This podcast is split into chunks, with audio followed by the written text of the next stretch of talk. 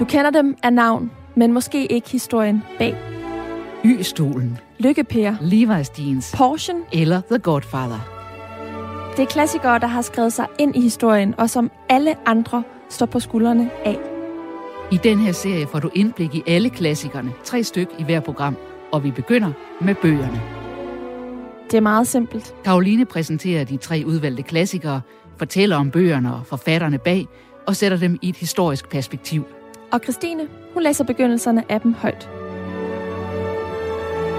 Måske får du selv lyst til at læse videre, og hvis ikke, ja, så kender du allerede de litterære klassikere lidt bedre. Mit navn er Christine Sølling Møller. Og jeg hedder Karoline Kjær Hansen. Velkommen til Klassikerne. Vi lever i en dystopisk tidsalder. Sådan sagde en forsker, jeg talte med for et par uger siden. Og med det mente han, at vi lever i en tid, hvor fortællinger med skræmmescenarier og om forfærdelige samfund masseproduceres og konsumeres. Mange tusind de sluger tv-serier som The Handmaid's Tale og Stranger Things råt, og selv hele Greta Thunberg og klimabevægelsens fremtidsscenarie er et skrækscenarie om, hvordan vores samfund og menneskets levestandard kan ende med at blive. Det er alle fortællinger, som tager afsæt i det store kartotek af dystopier fra fortiden, som også har skrevet sig ind i rækken af klassikere.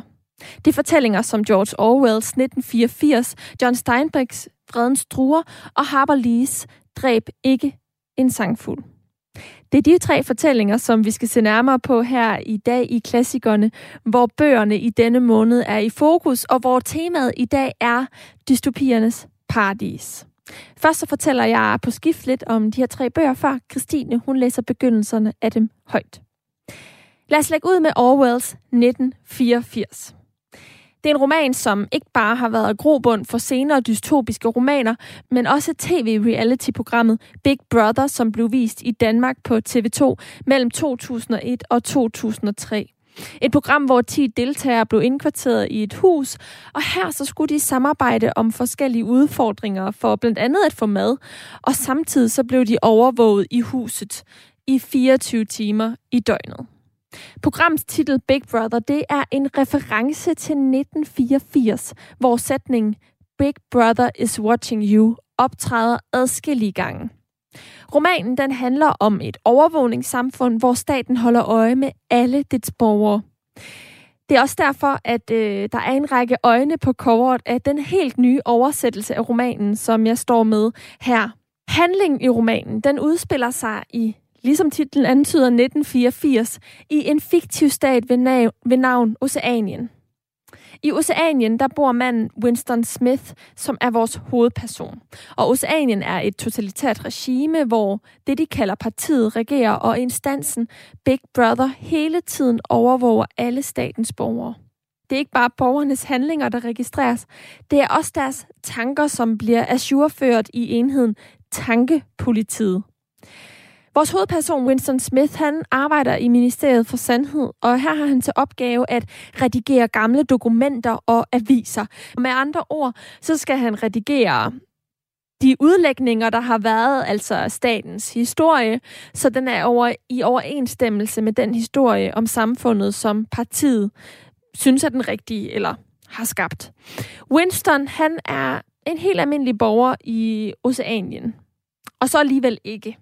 Han er nemlig træt af at indordne sig samfundsreglerne, og han forelsker sig blandt andet i en kvinde, hvilket ellers er forbudt. Vi følger ham så på hans øh, livsfarlige færd gennem statens instanser, da hans handlinger de bliver opdaget. Selvom 1984 er fortid for os, så var det fremtid, da George Orwell han skrev og udgav romanen. Den udkom i 1949, og George Orwell var et pseudonym. Forfatterens rigtige navn, det var Erik Arthur Player. Han blev født i 1903 i Indien, mens landet det stadig var en del af det britiske imperium.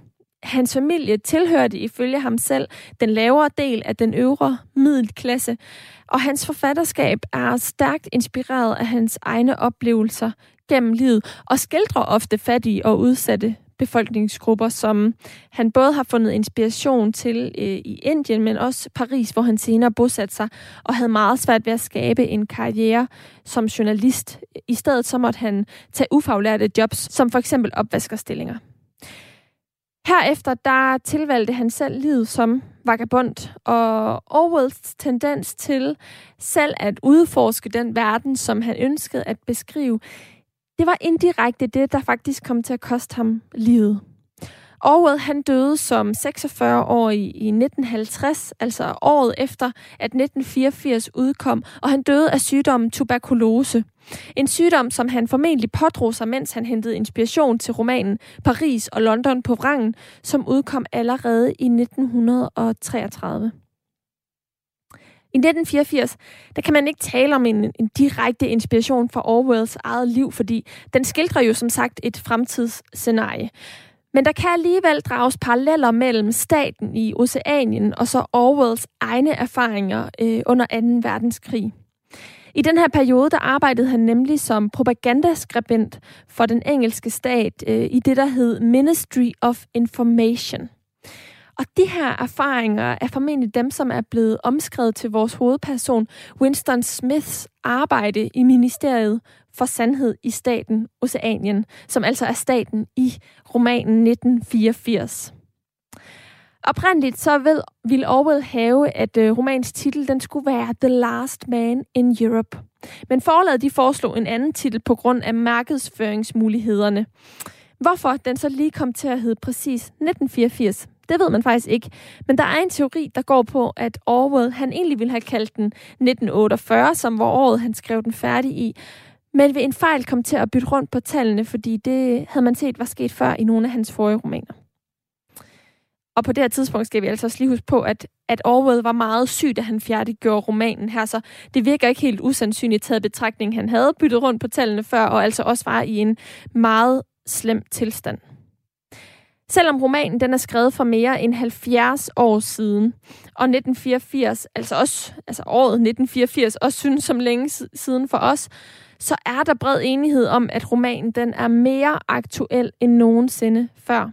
Det skyldes blandt andet teknologiernes udvikling og tech-giganternes mulighed for at øh, overvåge brugernes adfærd øh, gennem datasporing på internettet, for ikke at tale om berøvelsen af forskellige borgerrettigheder rundt omkring i verden, som blandt andet også er knyttet til øh, populismens øh, fremtog. Særligt her i Europa eksempelvis. Men nu skal vi tilbage til 1984, hvor vi på den første side møder Winston Smith på en dag i april. Her kommer begyndelsen af George Orwells roman 1984, læst højt af min kollega Christine Sølling Møller. Kapitel 1 det var en klar og kold dag i april, og ugerne slog 13 slag. Med hagen trykket ned mod brystet i et forsøg på at undslippe den bidende vind, smuttede Winston Smith hurtigt ind af glasdørene til Victory Mansons. Og men ikke hurtigt nok til at forhindre en lille sky af støv og snavs i at komme med ind. Opgangen lugtede af kål og gamle kludetæpper. I den ene ende hang en farvet plakat, for stor til at hænge indendørs. Den forestillede et kæmpe stort ansigt, mere end en meter bredt. Et ansigt, der tilhørte en mand på cirka 45, med et kraftigt sort overskæg og groft skårende, men flotte træk. Winston begav sig hen mod trappen. Det var ikke besværet ved at prøve elevatoren. Selv i de gode perioder virkede den sjældent, og i øjeblikket var der lukket for strømmen i dagtimerne. Det var et af spareinitiativerne op til hadeugen. Lejligheden lå på 6. sal, og Winston, som var 39 og havde et venøst bensår over højre ankel, bevægede sig langsomt og holdt pauser flere gange undervejs. På hvert repo over for elevatorskakten stirrede plakaten med det kæmpe store ansigt ned fra væggen. Det var et af de billeder, der er konstrueret således, at øjnene følger en, hvor end man går hen. Big Brother holder øje med dig, stod der nedenunder. I lejligheden hørtes en behagelig stemme læse en række tal, der havde noget at gøre med fremstillingen af råjern. Stemmen kom fra en aflang metalplade, der lignede et sløret spejl på væggen på højre hånd. Winston drejede på en knap, og stemmen dæmpedes noget, og men ordene stadig kunne høres. Man kunne skrue ned for apparatet, der blev kaldt teleskærmen, men ikke slukke helt. Han gik hen til vinduet. En spinkel, skrøbelig skikkelse, hvis magerhed kun blev fremhævet af den blå kedeldragt, der var partiuniformen. Hans hår var meget lyst, hans ansigt naturligt rødmosset, hans hud ro af grov sæbe og sløve barberblade og vinterkulden, der først lige havde sluppet sit tag. Udenfor så verden kold ud, selv gennem det lukkede vindue. Nede på gaden virvlede vinden små spiraler af støv og papirstrimler op, og selvom solen skinnede og himlen var lysende blå, var det som om alt var farveløst, bortset fra plakaterne, der var klistret op overalt.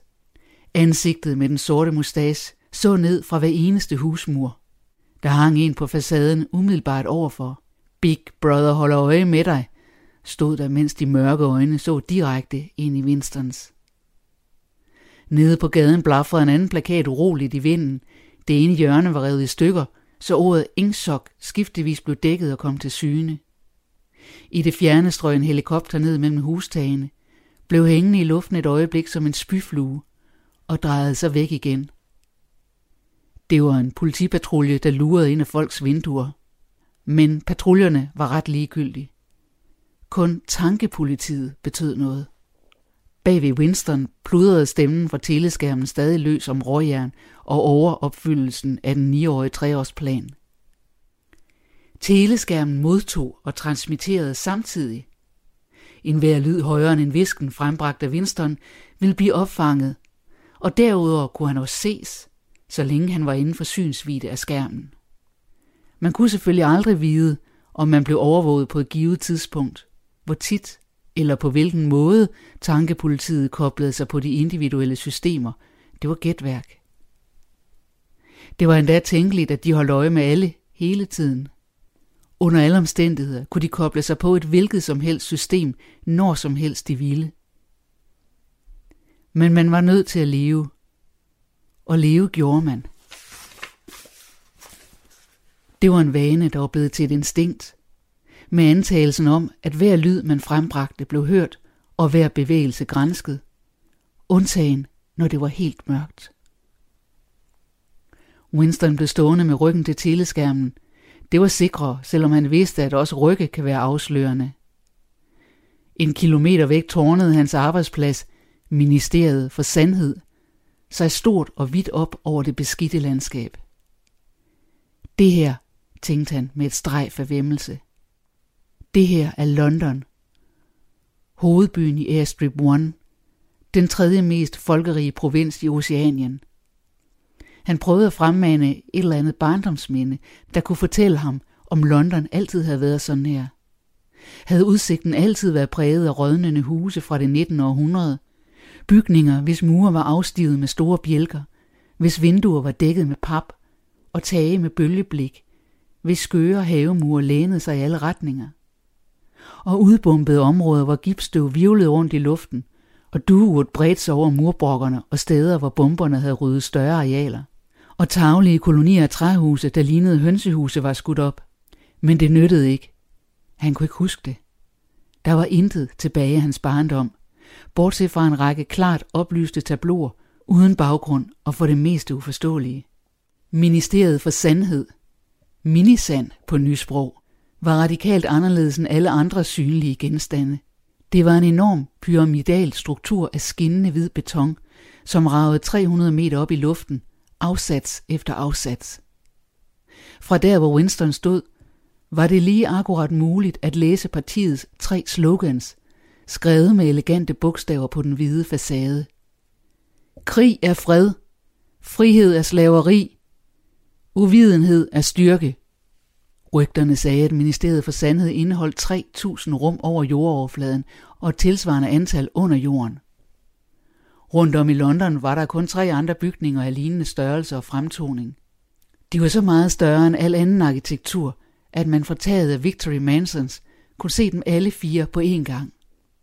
De husede de fire ministerier, som tilsammen udgjorde hele regeringsapparatet. Ministeriet for Sandhed, som beskæftigede sig med nyheder, underholdning, uddannelse og kunst. Ministeriet for Fred, som beskæftigede sig med krig, Ministeriet for Kærlighed, som beskæftigede sig med lov og orden, og Ministeriet for Rigelighed, som beskæftigede sig med finans og økonomi. På nysprog kaldtes de Minisand, Minipax, Minikær og Minirig. Ministeriet for Kærlighed var det mest skræmmende. Det havde slet ingen vinduer. Winston havde aldrig sat sin ben i Ministeriet for Kærlighed, eller så meget som været inden for en halv kilometer fra det. Det var et sted, hvor man kun kom i officielt øje med. Og selv så måtte man igennem en labyrint af pigtråd, ståldøre og skjulte maskingeværredder. Selv gaderne, der førte hen til de ydre barriere, blev patruljeret af gorillaagtige vagter i sorte uniformer, bevæbnet med stave. Winston vendte sig bræt om. Han havde lagt ansigtet i stilfærdigt optimistiske folder, hvilket var det mest tilrådelige, når man stod over for teleskærmen. Han gik ud i det lille køkken. Fordi han havde forladt ministeriet, da han gjorde, var han gået glip af frokosten i kantinen. Og han vidste, at der ikke var noget mad i køkkenet, udover en humpel mørkt brød, som skulle gemmes til morgenmaden i morgen. Fra en hylde tog han en flaske med farveløs væske og en simpel hvid etiket med påskriften Victory Gin. Det lugtede kvalmende og fedtet, lidt som kinesisk risbrændevin. Winston hældte op i en tekop til den var næsten fuld, og drak det hele i en slurk, som om det var medicin. Med det samme blev hans ansigt højrødt, og hans øjne løb i vand. Væsken føltes som salpetersyre, og desuden fik man en fornemmelse af at være blevet slået i hovedet med en gummikøle. Men øjeblikket efter forsvandt den brændende følelse i maven, og verden begyndte at se mere indbydende ud. Han tog en cigaret fra en krøllet pakke, påstemplet Victory cigaretter, og holdt den uforsigtigt lodret, så alt tobakken dryssede ud på gulvet. Han havde mere held med den næste. Han gik ind i stuen igen og satte sig ved et lille bord, der stod til venstre for teleskærmen. Fra en skuffe under bordpladen tog han en pen, en flaske blæk og en notesbog i kvartformat med rød ryg og marmoreret forside. Af en eller anden grund var teleskærmen i stuen anbragt et usædvanligt sted. I stedet for at sidde i den ene ende, hvorfra den kunne overvåge hele rummet, befandt den sig i den lange væg over for vinduet. På den ene side af skærmen var en lille niche eller alkove i væggen, hvor Winston nu sad, og som sikkert havde været tænkt til boghylder, dengang lejligheden blev bygget. Ved at sætte sig i alkoven og rykke sig så langt ind som muligt, var Winston i stand til at holde sig uden for teleskærmens rækkevidde. I hvert fald, når det galt den visuelle rækkevidde. Han kunne selvfølgelig stadig blive hørt, men så længe han blev siddende i sin nuværende position, var han usynlig. Det var til dels stuens usædvanlige indretning, der havde givet ham ideen til det, han nu skulle til at gøre. Men ideen kom også til dels fra den bog, han netop havde taget op af skuffen. Det var en meget smuk bog. Den glatte, tonede papir, en anelse guldnet af elle, var en type, som ikke var blevet lavet i mindst 40 år. Han gættede dog på, at bogen var langt ældre end det. Han havde set den ligge i vinduet i en snusket lille genbrugsbutik i et tvivlsomt kvarter. Præcist hvilket kvarter huskede han ikke længere, og var med det samme blev ramt af en udmodståelig trang til at eje den. Det var ikke meningen, at partimedlemmer skulle gå i almindelige butikker. Handle på det frie marked blev det kaldt. Men reglen blev ikke håndhævet synderligt strengt, da der var visse ting, for eksempel snørebånd og barberblade, som var umulige at få fat i på anden vis. Han havde kastet et hurtigt blik op og ned ad gaden og var så smuttet ind og havde købt bogen for 2 dollar og 50. Det var ikke fordi han skulle bruge den til noget bestemt. Han var gået hjem med bogen i mappen, plaget af dårlig samvittighed. Selv inden der var skrevet noget i den, var den kompromitterende at have i sin besiddelse. Det han skulle til at gøre var at påbegynde en dagbog. Det var ikke ulovligt. Der var ikke noget, der var ulovligt, da der ikke længere var nogen love. Men hvis det blev opdaget, var det rimelig sikkert, at det ville medføre dødsstraf. Eller i hvert fald 25 år i arbejdslejr. Winston satte en spids på pennen og suttede på den for at få fedtet af. Pennen var et gammeldags redskab, kun sjældent brugt, selv til at skrive under med. Men han havde anskaffet sig en i hemmelighed, og med et vist besvær, simpelthen fordi han mente, at det smukke tonede papir fortjente at blive skrevet på med en ægte pen og ikke bare med kuglepen. Faktisk var han slet ikke vant til at skrive i hånden, bortset fra helt korte notater, var det mest almindelige at diktere alt på en taleskriver, hvilket selvsagt ikke var en mulighed i denne sammenhæng. Han dyppede pennen i blækket og tøvede et øjeblik. Han mærkede en skælven i maveregionen. At sætte pennen til papiret var et afgørende skridt. Med små, usikre bogstaver skrev han. 4. april 1984.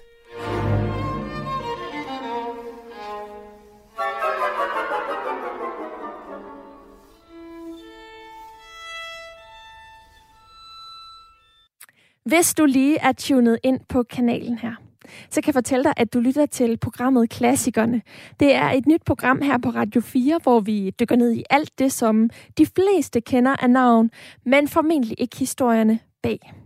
Alle de klassikere, som har skrevet sig ind i vores fælles store samlede historie, og som alle andre forfattere, designere og filmskabere, de står på skuldrene af. I den her sommermåned, der er det bøgerne, vi dykker ned i. Hver uge så vælger vi tre bøger under et bestemt tema. Jeg fortæller først lidt om bøgerne, før at øh, min kollega Christine, hun læser begyndelserne af bøgerne højt. Måske så får du lyst til selv at læse videre. Om ikke andet, så lærer du i hvert fald de klassikerne, altså de skønlitterære øh, i den her omgang, lidt bedre at kende. I den her uge, der er temaet dystopiernes paradis.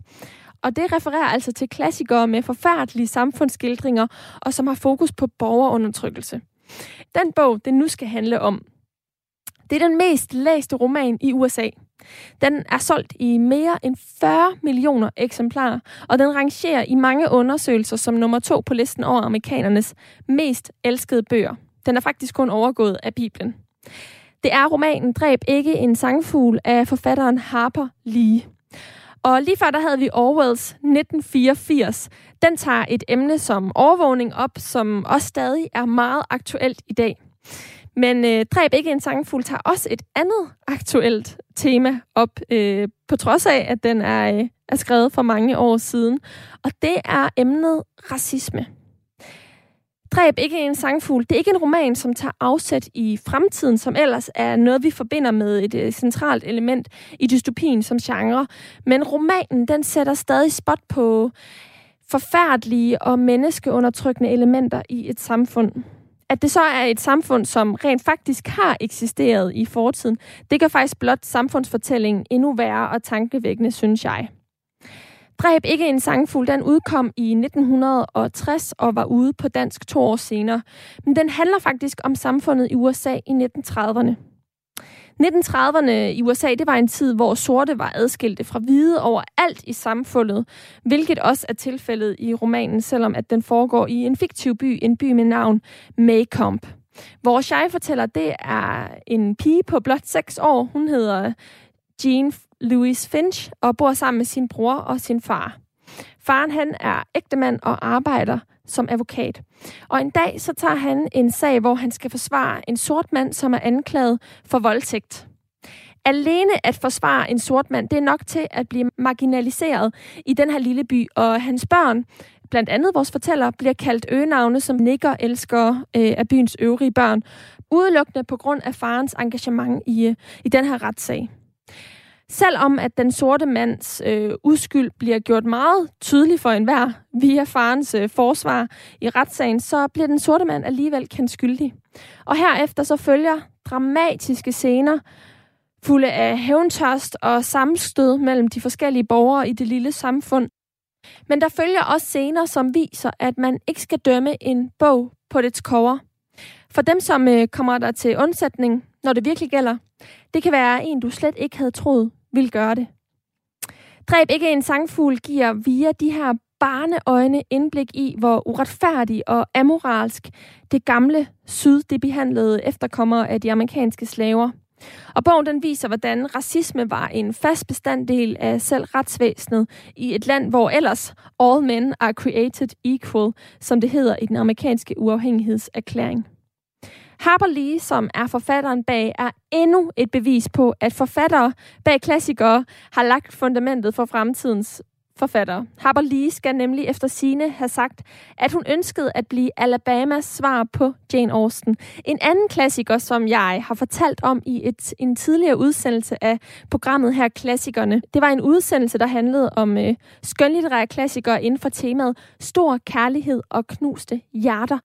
Det er et program, du kan finde som øh, podcast på vores øh, hjemmeside, radio4.dk, i vores app, eller der, hvor du plejer at lytte til podcast.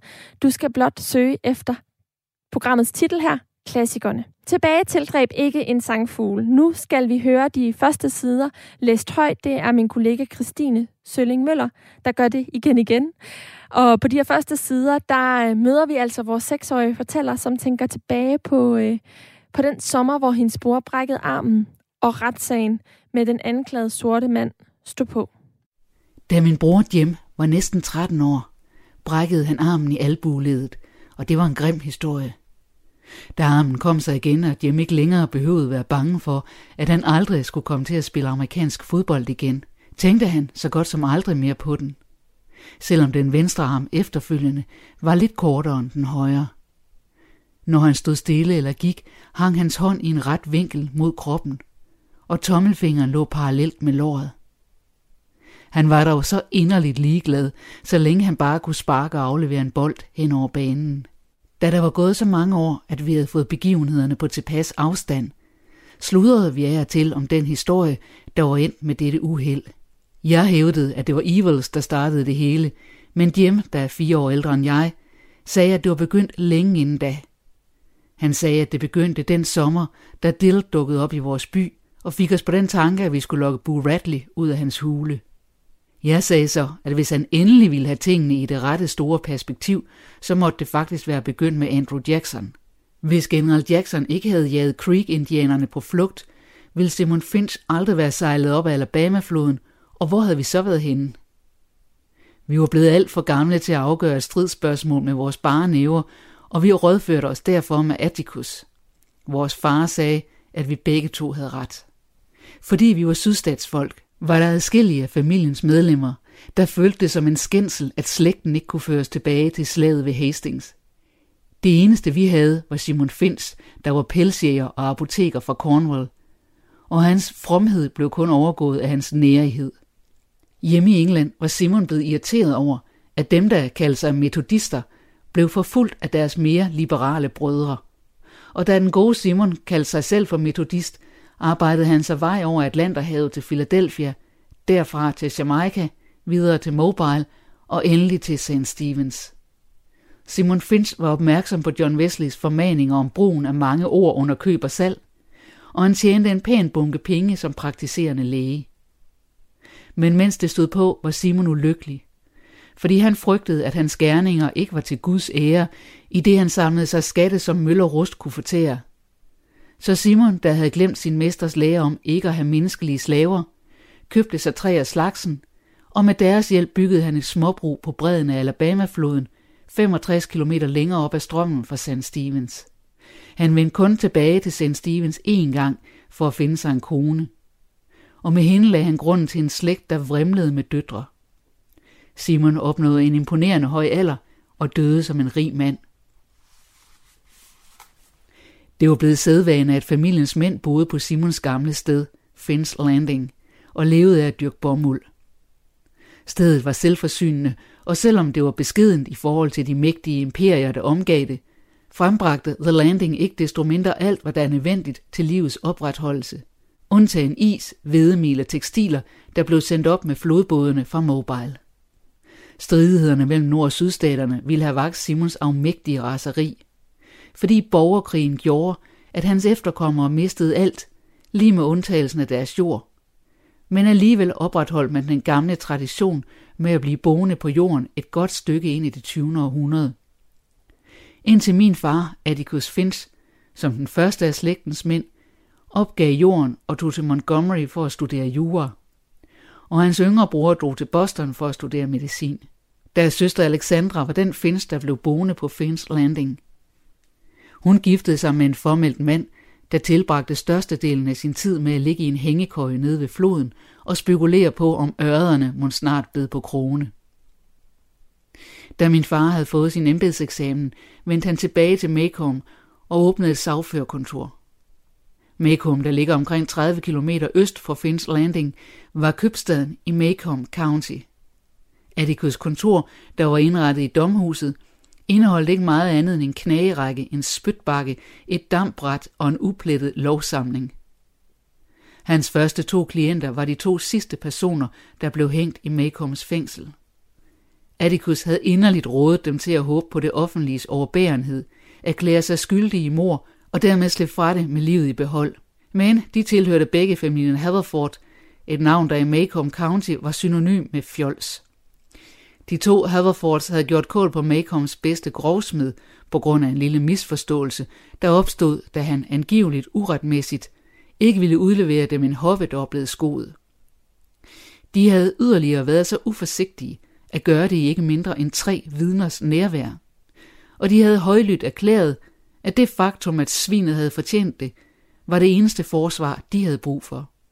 De erklærede sig hårdnakket ikke skyldige i overlagt mor, så der var ikke meget, at de kunne skulle gøre for sine to klienter, udover at være til stede, da de forlod denne jord. Hvad der formentlig var den oprindelige årsag til min faders afsky for enhver form for strafferet. I løbet af sine første fem år i Macomb arbejdede Atticus mere med økonomiske anlægner end med noget som helst andet, og i adskillige år satte han en stor del af sine indtægter i brorens uddannelse. Jack Hale Fins var 10 år yngre end min far, og valgte at studere medicin på et tidspunkt, hvor det ikke var ulejligheden værd at dyrke bomuld. Men efter at have hjulpet onkel Jack på vej, tjente Atticus helt godt på juraen. Han kunne lide Macomb, hvor han både var født og opvokset. Her kendte han folk, og folk kendte ham. Og takket være Simon Fins flid, var Atticus i familie med Gud og hver mand i byen gennem enten blodets eller ægteskabets bånd.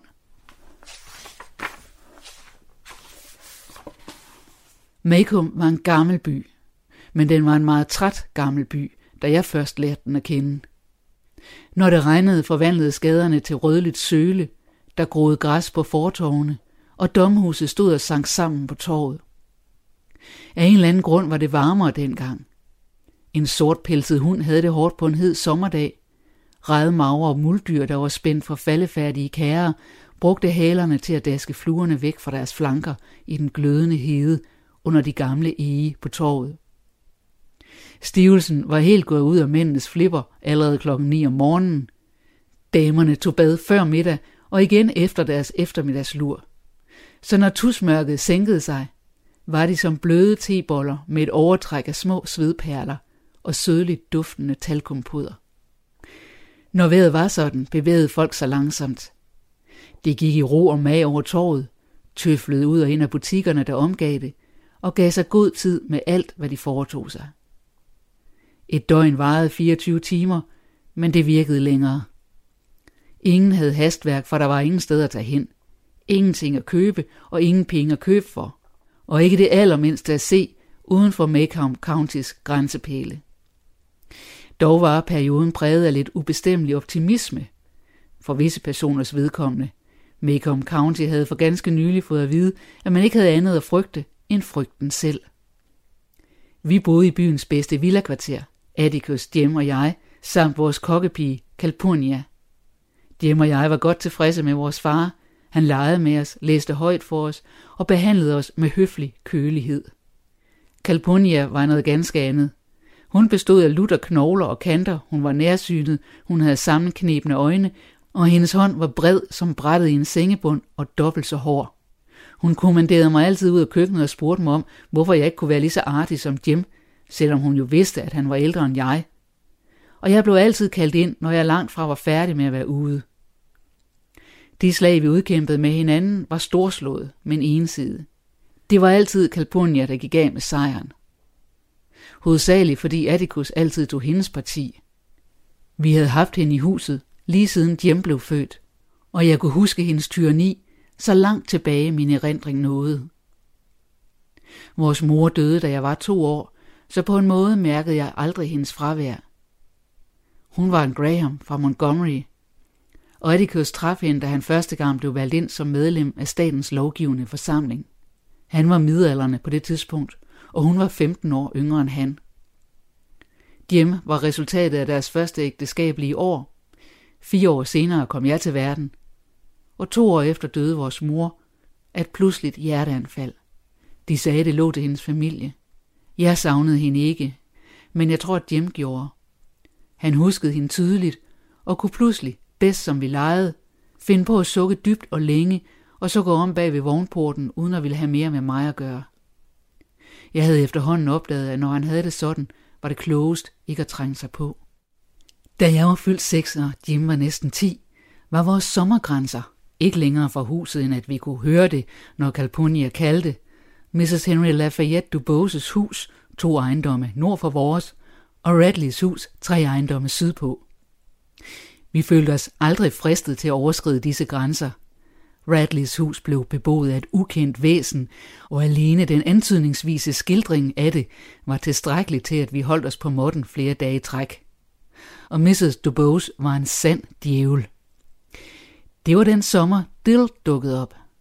Da vi tidligt en morgen var begyndt at lege ude i gården bagved, hørte Jim og jeg noget inde ved siden af, fra Miss Rachel Haverfords kålbed. Vi gik hen til hegnet for at se, om det kunne være en hundevalp. Miss Rachels terrier ventede sig. Men i stedet for opdagede vi, at der sad en derinde og stirrede på os. Som han sad der, var han ikke meget større end kålplanterne. Og nu stirrede vi på ham, indtil han endelig sagde, Dags. Dags, sagde Jim venligt. Jeg hedder Charles Baker Harris, sagde han, og jeg kan læse. Nå, hvad så? sagde jeg. Jeg tænkte bare, at I måske gerne ville vide det. Hvis der er noget, I vil have læst, så kan jeg gøre det for jer. Hvor gammel er du, spurgte Jim. Fire et halvt. Jeg fylder snart syv. Så har du ikke noget at prale af, sagde Jim og pegede på mig med en krum tommelfinger. Scout der har kunne læse, siden hun blev født, og hun er ikke engang startet i skole nu. Du er ret lille af din alder. Jeg er lille, men jeg er gammel, sagde han. Jim strøg håret væk fra øjnene for at bedre at kunne se. Hvorfor kommer du ikke ind til os, Charles Baker Harris, sagde han. Hvor herre bevarer sikkert en navn. Det er da ikke løjeligere end dit. Min tante Rachel siger selv, at du hedder Jeremy Atticus Finch. Jim skulede. Jeg er stor nok til at have det navn, sagde han. Selv dit navn er længere end dig. Mindst en fod længere. Andre mennesker kalder mig Dill, sagde Dill og snodede sig ind under hegnet. Det er bedre at kravle over end under, sagde jeg. Hvor kommer du egentlig fra? Dill var fra Meridian i Mississippi og tilbragte sommeren hos sin tante, Miss Rachel. Og det var meningen, at han skulle gøre det samme hver eneste sommer fremover. Familien stammede fra Macomb County. Hans mor arbejdede hos en fotograf i Meridian, havde sendt hans billede ind til en smukke børn-konkurrence og havde vundet 5 dollars. Hun gav Dill pengene, og han gik i biografen for den 20 gange i træk. Vi ser aldrig nogen film her, undtagen Jesus-film en gang imellem i domhuset, sagde Jim. Har du nogensinde set en, der var god? Det viser sig, at Dill havde set Dracula. En afsløring, der fik hjem til at betragte ham med fornyet interesse og respekt. Fortæl os om den, sagde han. Dill var et særsyn. Han var iført korte blå ladersbukser, der var knappet fast til skjorten. Hans hår var snehvidt og purede på hans lille hoved som ellingedun. Han var et år ældre end jeg, men jeg tårnede mig ikke desto mindre op over ham. Mens han fortalte os den gamle historie, blev hans blå øjne skiftevis lyse og mørke. Hans latter var pludselig sorgløs og lykkelig, og han havde en vane med at hive en hårvivl ned over panden. Da Dill forvandlede Dracula til støv, og Jim sagde, at filmen lød bedre end bogen, spurgte jeg Dill om, hvor hans far egentlig var henne. Ham har du ikke fortalt os noget om. Nej, for jeg har ingen. Er han da død? Nej. Men hvis han ikke er død, må du vel have en, ikke sandt? Jill blev rød i kinderne, og Jim sagde, at jeg skulle tige stille. Et sikkert tegn på, at Dill var blevet vejet og målt og fundet værdig.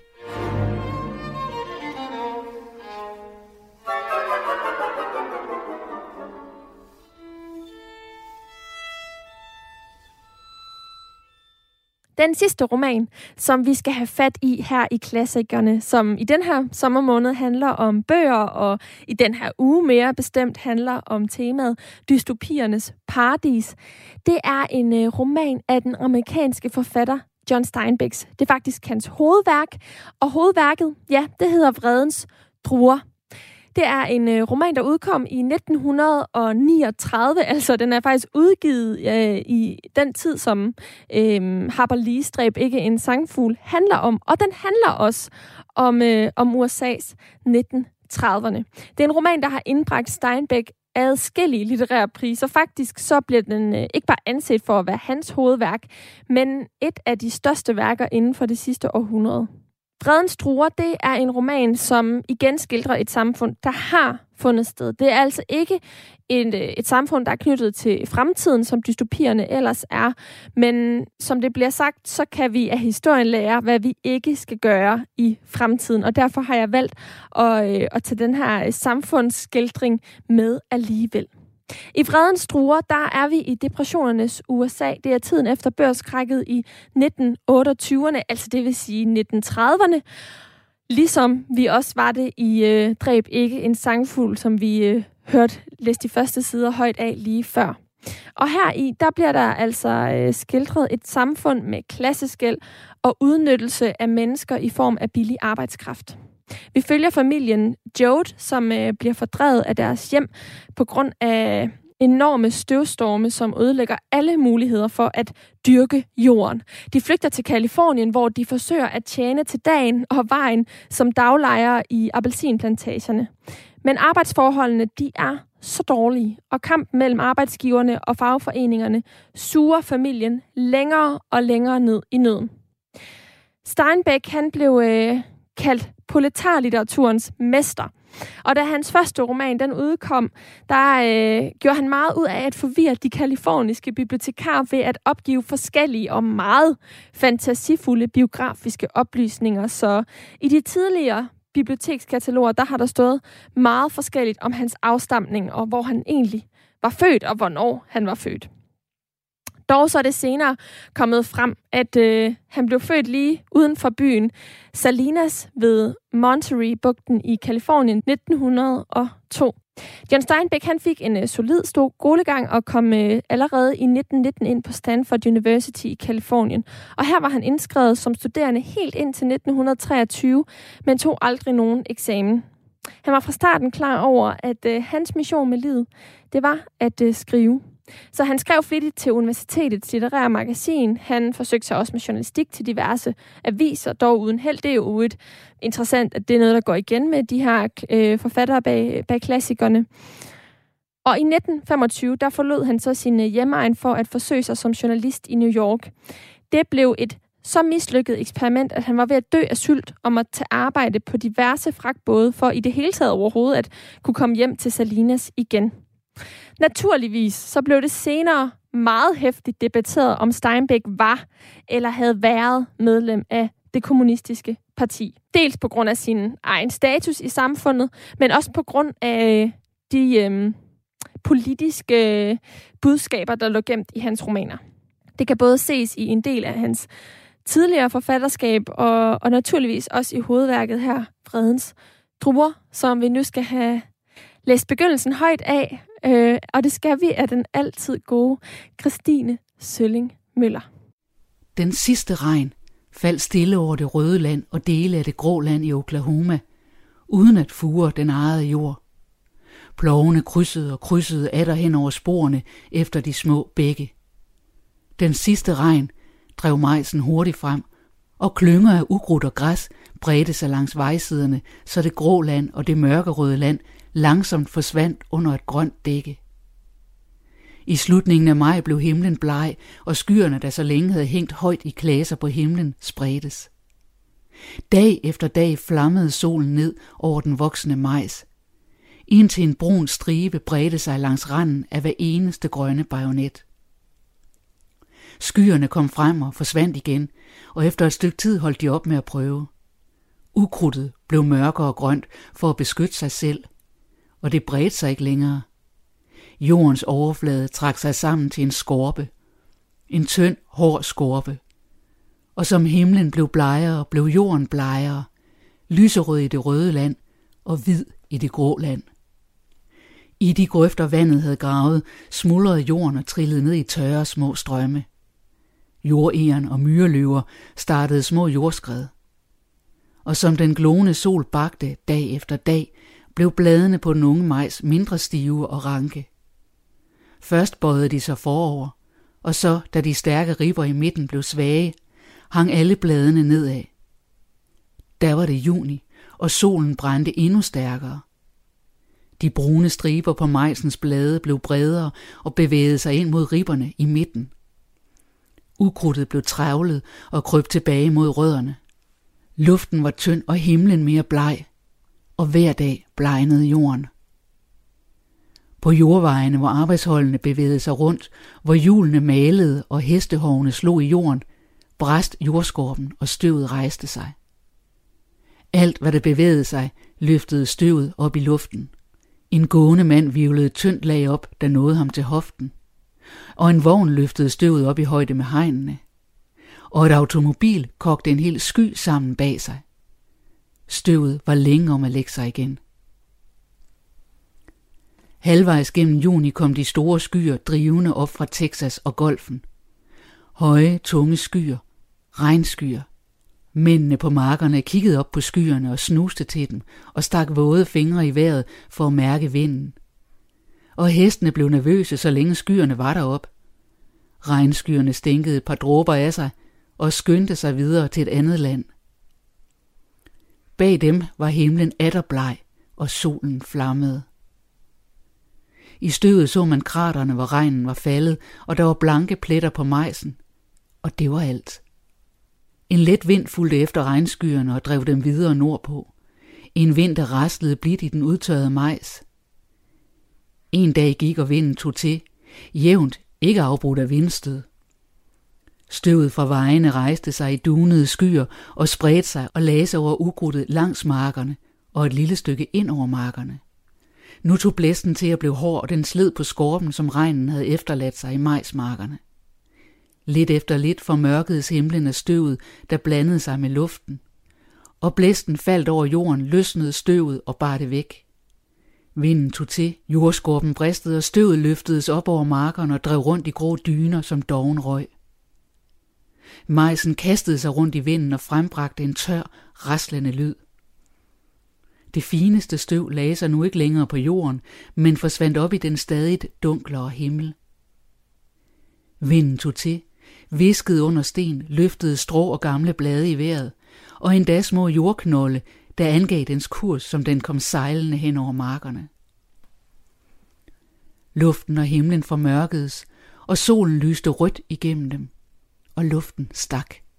Igennem en hel nat rasede vinden hastigere hen over landet, og gravede listigt majsens rodtrævler fri, og majsen kæmpede mod vinden med sine svage blade, til rødderne var blevet lusket fri. Og så sank hver stilk udmattet til siden og om på jorden og pegede i vindens retning. Daggryet kom, men ingen dag. En rød sol kom til syne på den grå himmel, en sløret rød cirkel, der gav en smule lys fra sig som tusmørke og som dagen skred frem, sank tusmørket tilbage mod mørke, og vinden hylede og pev over den faldende majs. Mænd og kvinder kryb sammen i deres huse, og de bandt lommetørklæder over næsen, når de gik udenfor, og bar motorbriller for at beskytte øjnene. Da natten atter faldt på, var det kul sort nat, for stjernerne kunne ikke trænge ned gennem støvet, og lyset fra vinduerne nåede ikke længere end til forpladsen udenfor. Nu er støvet ligeligt blandet med luften. En emulsion af støv og luft. Husene var lukket tæt til, og klude blev kilet ind i sprækkerne rundt om døre og vinduer. Men støvet kom ind, og var så fint, at det ikke kunne ses i luften. Og det lagde sig som pollen over stolene og bordene på tallerkenerne. Folk børstede det af skuldrene. Små linjer af støv lå ved dørtrinene. Midt i denne nat døde vinden hen og efterlod landet i stilhed. Den støvede luft dæmpede lyd mere fuldkomment end tåge gør. Folkene, der lå i deres senge, hørte vinden holde inde. De vågnede, da den susende vind forsvandt. De lå tyste og lyttede dybt ind i stilheden. Så galede hanerne, og deres stemmer var dæmpede, og folk rørte uroligt på sig i sengene og ønskede morgenen skulle komme. De vidste, at det ville vare længe inden støvet lagde sig, og luften blev klar. Om morgenen hang støvet som en tåge, og solen var lige så rød som friskt blødende blod. Hele dagen dalede støvet ned fra himlen, og næste dag dalede det ned. Et jævnt tæppe dækkede jorden. Det læser over majsen, bunkede sig sammen oven på hegnspæle, bunkede sig sammen på ledningerne. Det læser sig på tage og trak en hinde over krat og træer. Folk kom ud af deres huse og snuste til den varme, stikkende luft og dækkede deres næser til. Og børnene kom ud af husene, men de løb og råbte ikke, som de ville have gjort efter et regnvejr. Mænd stod ved deres hegn og så på den ødelagte majs, der tørrede hurtigt nu. Kun en smule grønt så gennem filmen af støv. Mændene var tavse, og de flyttede ikke meget på sig. Og kvinderne kom ud af husene for at stå ved siden af deres mænd, for at mærke efter, om mændene knækkede denne gang. Med stjålne blikke så kvinderne på mændenes ansigter, for skidt være med majsen, så længe noget andet blev tilbage. Børnene stod i nærheden og tegnede figurer i støvet med de bare tæer, og børnene havde alle antenner ude for at se, om mænd og kvinder knækkede. Børnene kastede forsigtige blikke på mændenes og kvindernes ansigter, og tegnede så omhyggelige streger i støvet med tæerne. Heste kom hen til deres vandingstru og rugede mulen rundt i vandet for at fjerne overfladestøvet. Efter et stykke tid mistede de betragtende mænds ansigter udtrykket af omtoget forvirring og blev hårdere og vrede og trodsige. Så vidste kvinderne, at de kunne tage det roligt, og at der intet sammenbrud var. Så spurgte de, hvad skal vi gøre? Og mændene svarede, jeg ved det ikke.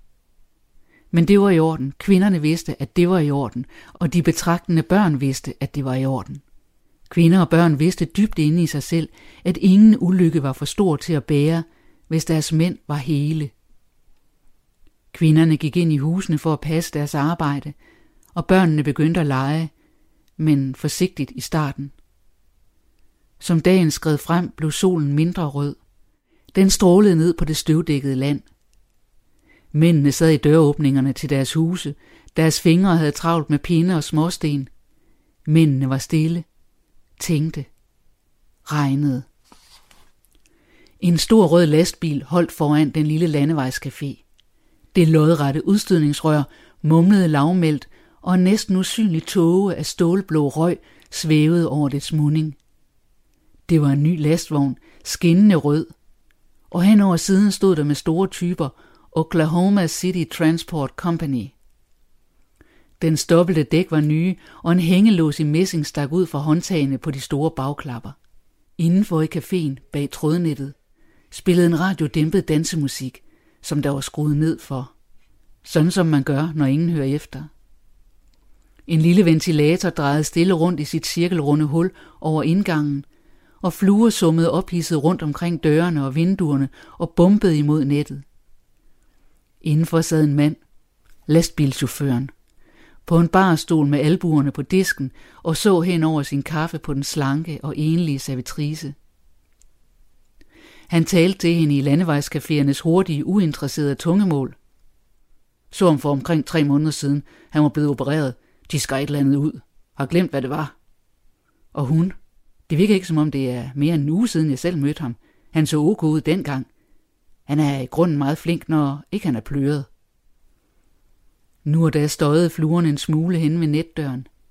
Kaffemaskinen spruttede damp fra sig, og servitrisen rakte hånden bagud og slukkede for den, uden at kigge. Udenfor krydsede en mand, der var kommet gående langs vejsiden, over vejen og nærmede sig lastbilen. Han gik langsomt hen til dens forende, lagde en hånd på den skinnende forskærm og kiggede på klistermærket i forruden. Blaffer, nej tak. Et øjeblik så han ud til at ville fortsætte hen ad vejen, men i stedet satte han sig på trinbrættet, til den side, der vendte væk fra caféen. Han var ikke over 30. Hans øjne var meget mørkebrune, og der var stænk af brun pigment i det hvide. Hans kindben var høje og brede og kraftige. Dybe fuger skar sig igennem hans kinder, så de hang ned i poser fra mundvine. Hans overlæbe var lang, og eftersom han havde stridende tænder, var læberne blevet stramme af at skjule dem. For denne mand holdt sin mund lukket. Hans hænder var grove med brede fingre, og negle så tykke og riflede som små muslingeskaller. Stykket mellem tommel og pegefinger og håndballen var blankt af arvæv.